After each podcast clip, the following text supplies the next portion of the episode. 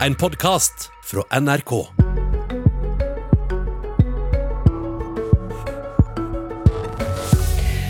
Statsminister Erna Solberg har kanskje gjort det. Ap-nestleder Bjørnar Skjæran har kanskje gjort det. Bråte reglene for smittevern. Og det er jo ille nok, det.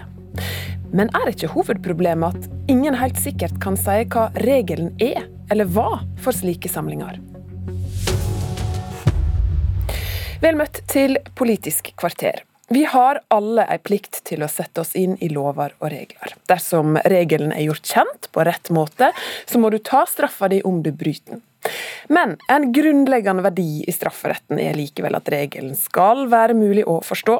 Til å diskutere forbud og straff i koronaens tid har jeg invitert politiadvokat Hans Wang, ekspert på strafferett Sofie Høgestøl og en uh, jurist som er mest ekspert på smittevern, assisterende helsedirektør Espen Nakstad. God morgen.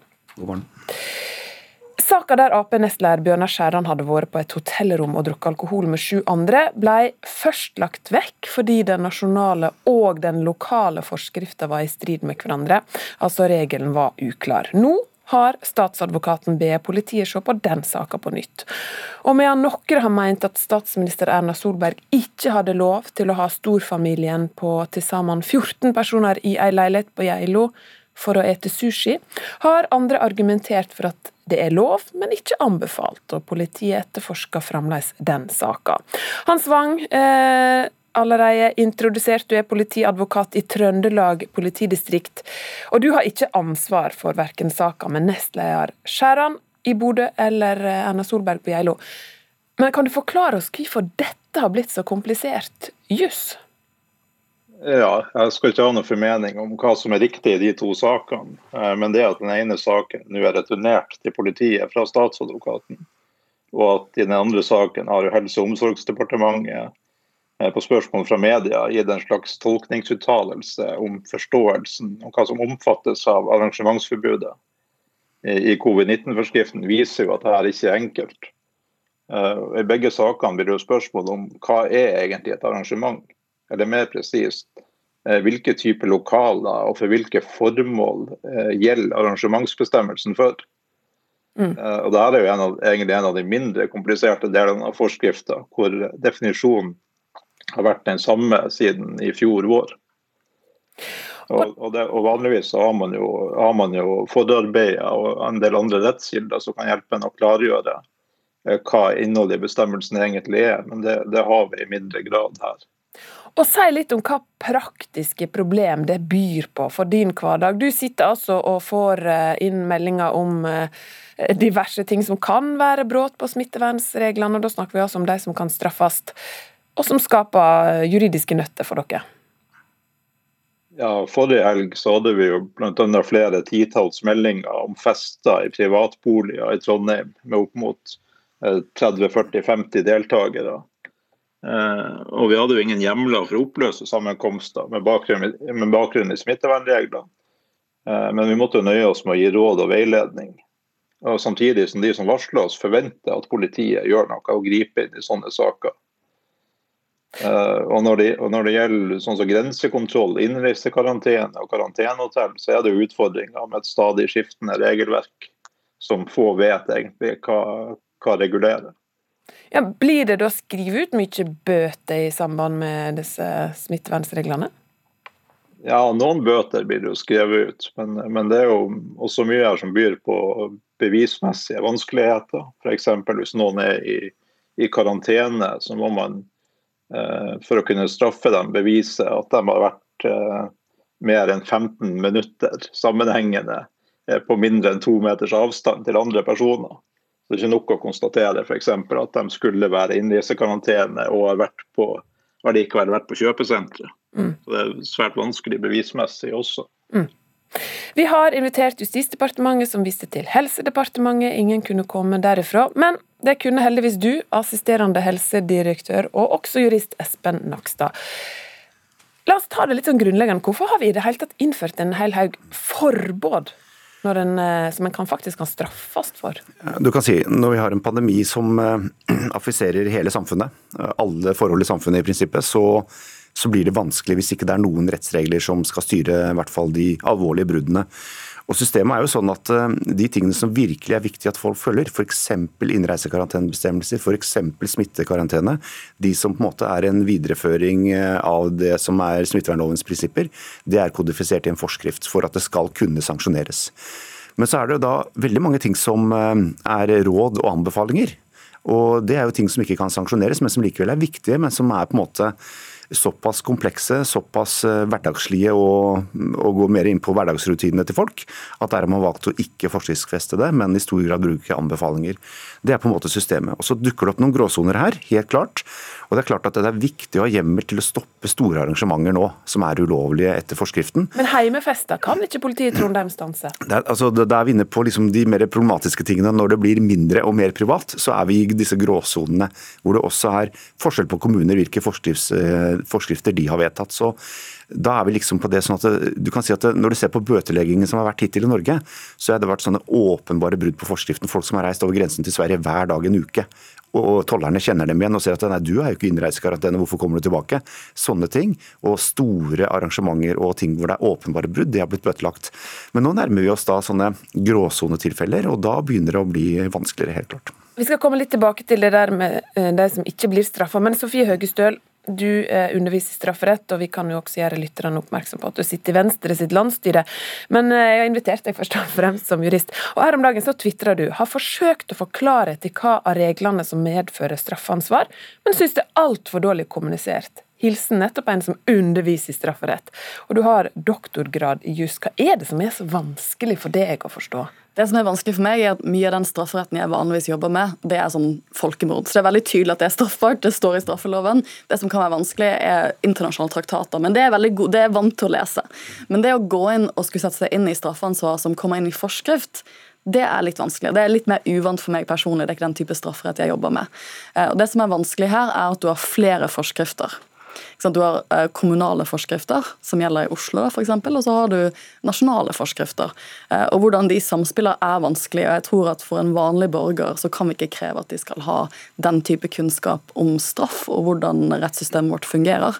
Jeg underviser jo straff for ikke-jurister, og da er ofte et av de spørsmålene jeg får, er hva er en forskrift? Og jeg tror For mange så er det helt utenkelig at man skal gå inn og, og lese de forskriftene selv. Og Da er det viktig at vi har veldig tydelig kommunikasjon rundt hvilken av disse bruddene er straffesanksjonert. For det tror jeg er informasjon de aller fleste er veldig interessert i å få.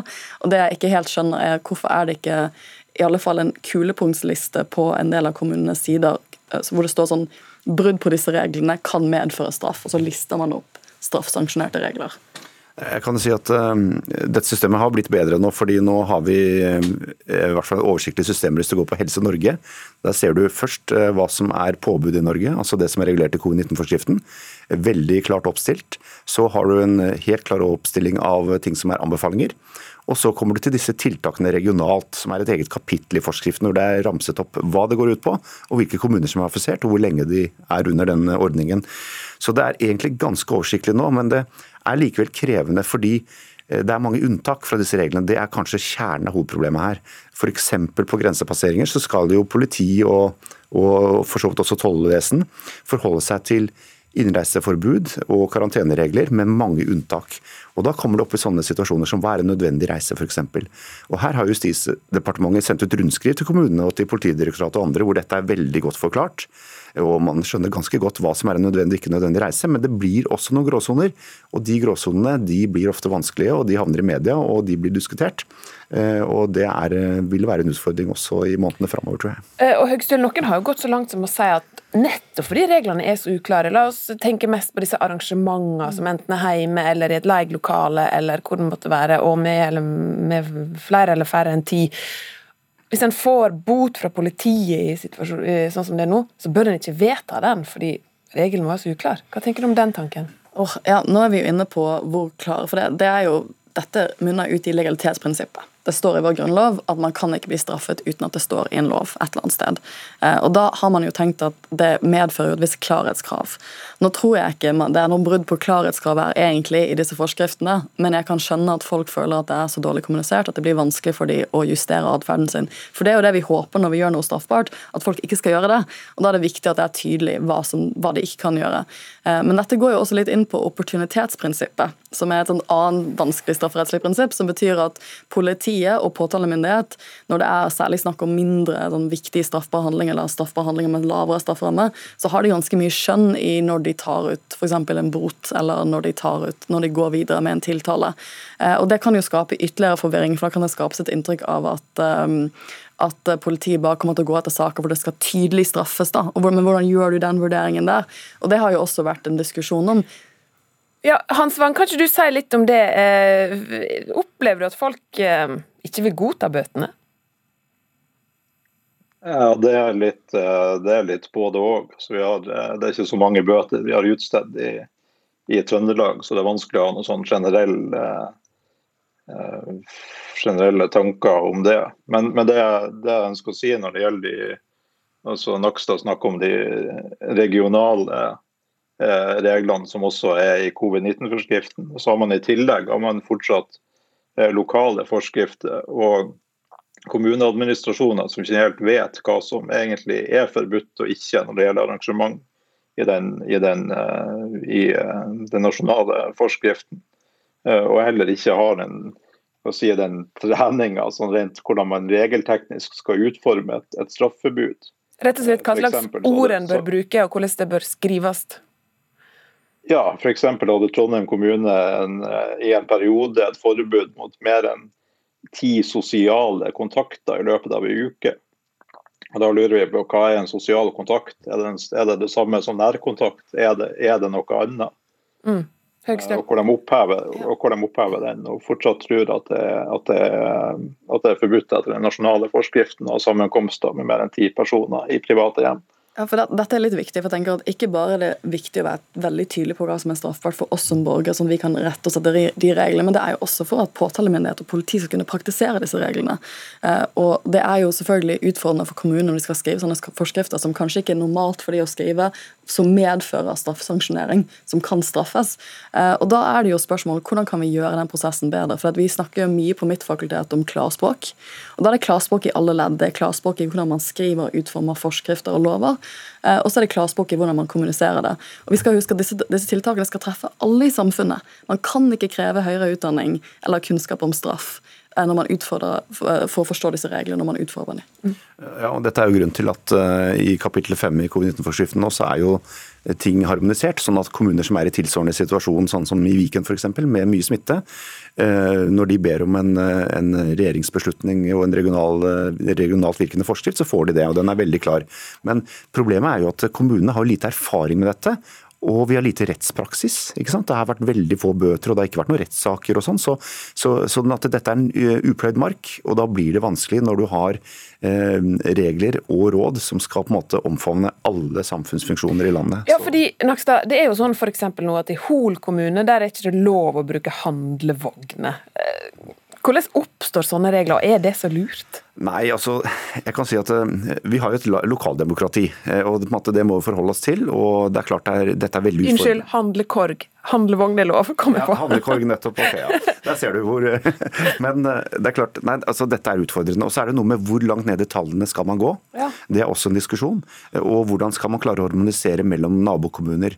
Der ser jo vi at det er veldig krevende ved smitteutbrudd f.eks. At når alle skal gjøre et forskriftsarbeid og vente på at kommunestyret samles og det gjør de kanskje hver tredje uke noen steder, så tar ting tid, og det er vanskelig å koordinere seg. Så får du veldig ulike regler også mellom kommuner. Det er jo ting som vi har prøvd å, å bidra til å rydde opp i. Eh, gjennom covid-19-forskriften også. Men det er klart dette vil forfølge oss hele pandemien, fordi vi har et selvstyre, lokalstyre. Men, og Smittevernmyndigheten lokalt er kommunene, og nasjonalt er det Helsedirektoratet. og det er jo sånn Men kunne en tenke seg at en, eh, forutenom det å gå rundt og smitte andre hvis du sjøl vet at du er smitta og burde være i isolasjon, så er det litt sånn kardemommelov-tilnærming at en oppfører deg eh, fint og holder avstand? Kunne det ha funka? Det funka jo det første halvåret, vil jeg påstå. Altså, da snakket vi jo veldig mye om dette å være hjemme og holde avstand og teste seg og vaske hendene. Det gjentok vi en million ganger, og det fungerte godt første halvdel av pandemien. Men etter hvert som en pandemi blir langvarig og alle disse unntaksbestemmelsene blir viktigere og viktigere for næringsliv og folk flest, så blir det også mer komplisert, og da må det også reguleres mer komplisert. Og En av hovedårsakene til at dette faktisk er komplisert, det er at det er et behov for unntak for at det skal være eh, nødvendig og forholdsmessig. Det ville rammet veldig mange hvis det ikke hadde unntak. Takk. Denne sendinga er slutt. I morgen er det partilærerintervju med Miljøpartiet De Grønne, med Astrid Randen i denne stolen. Jeg takker for følget. Mitt navn er Ingunn Solheim. Du har hørt en podkast fra NRK. Hør flere podkaster og din favorittkanal i appen NRK Radio.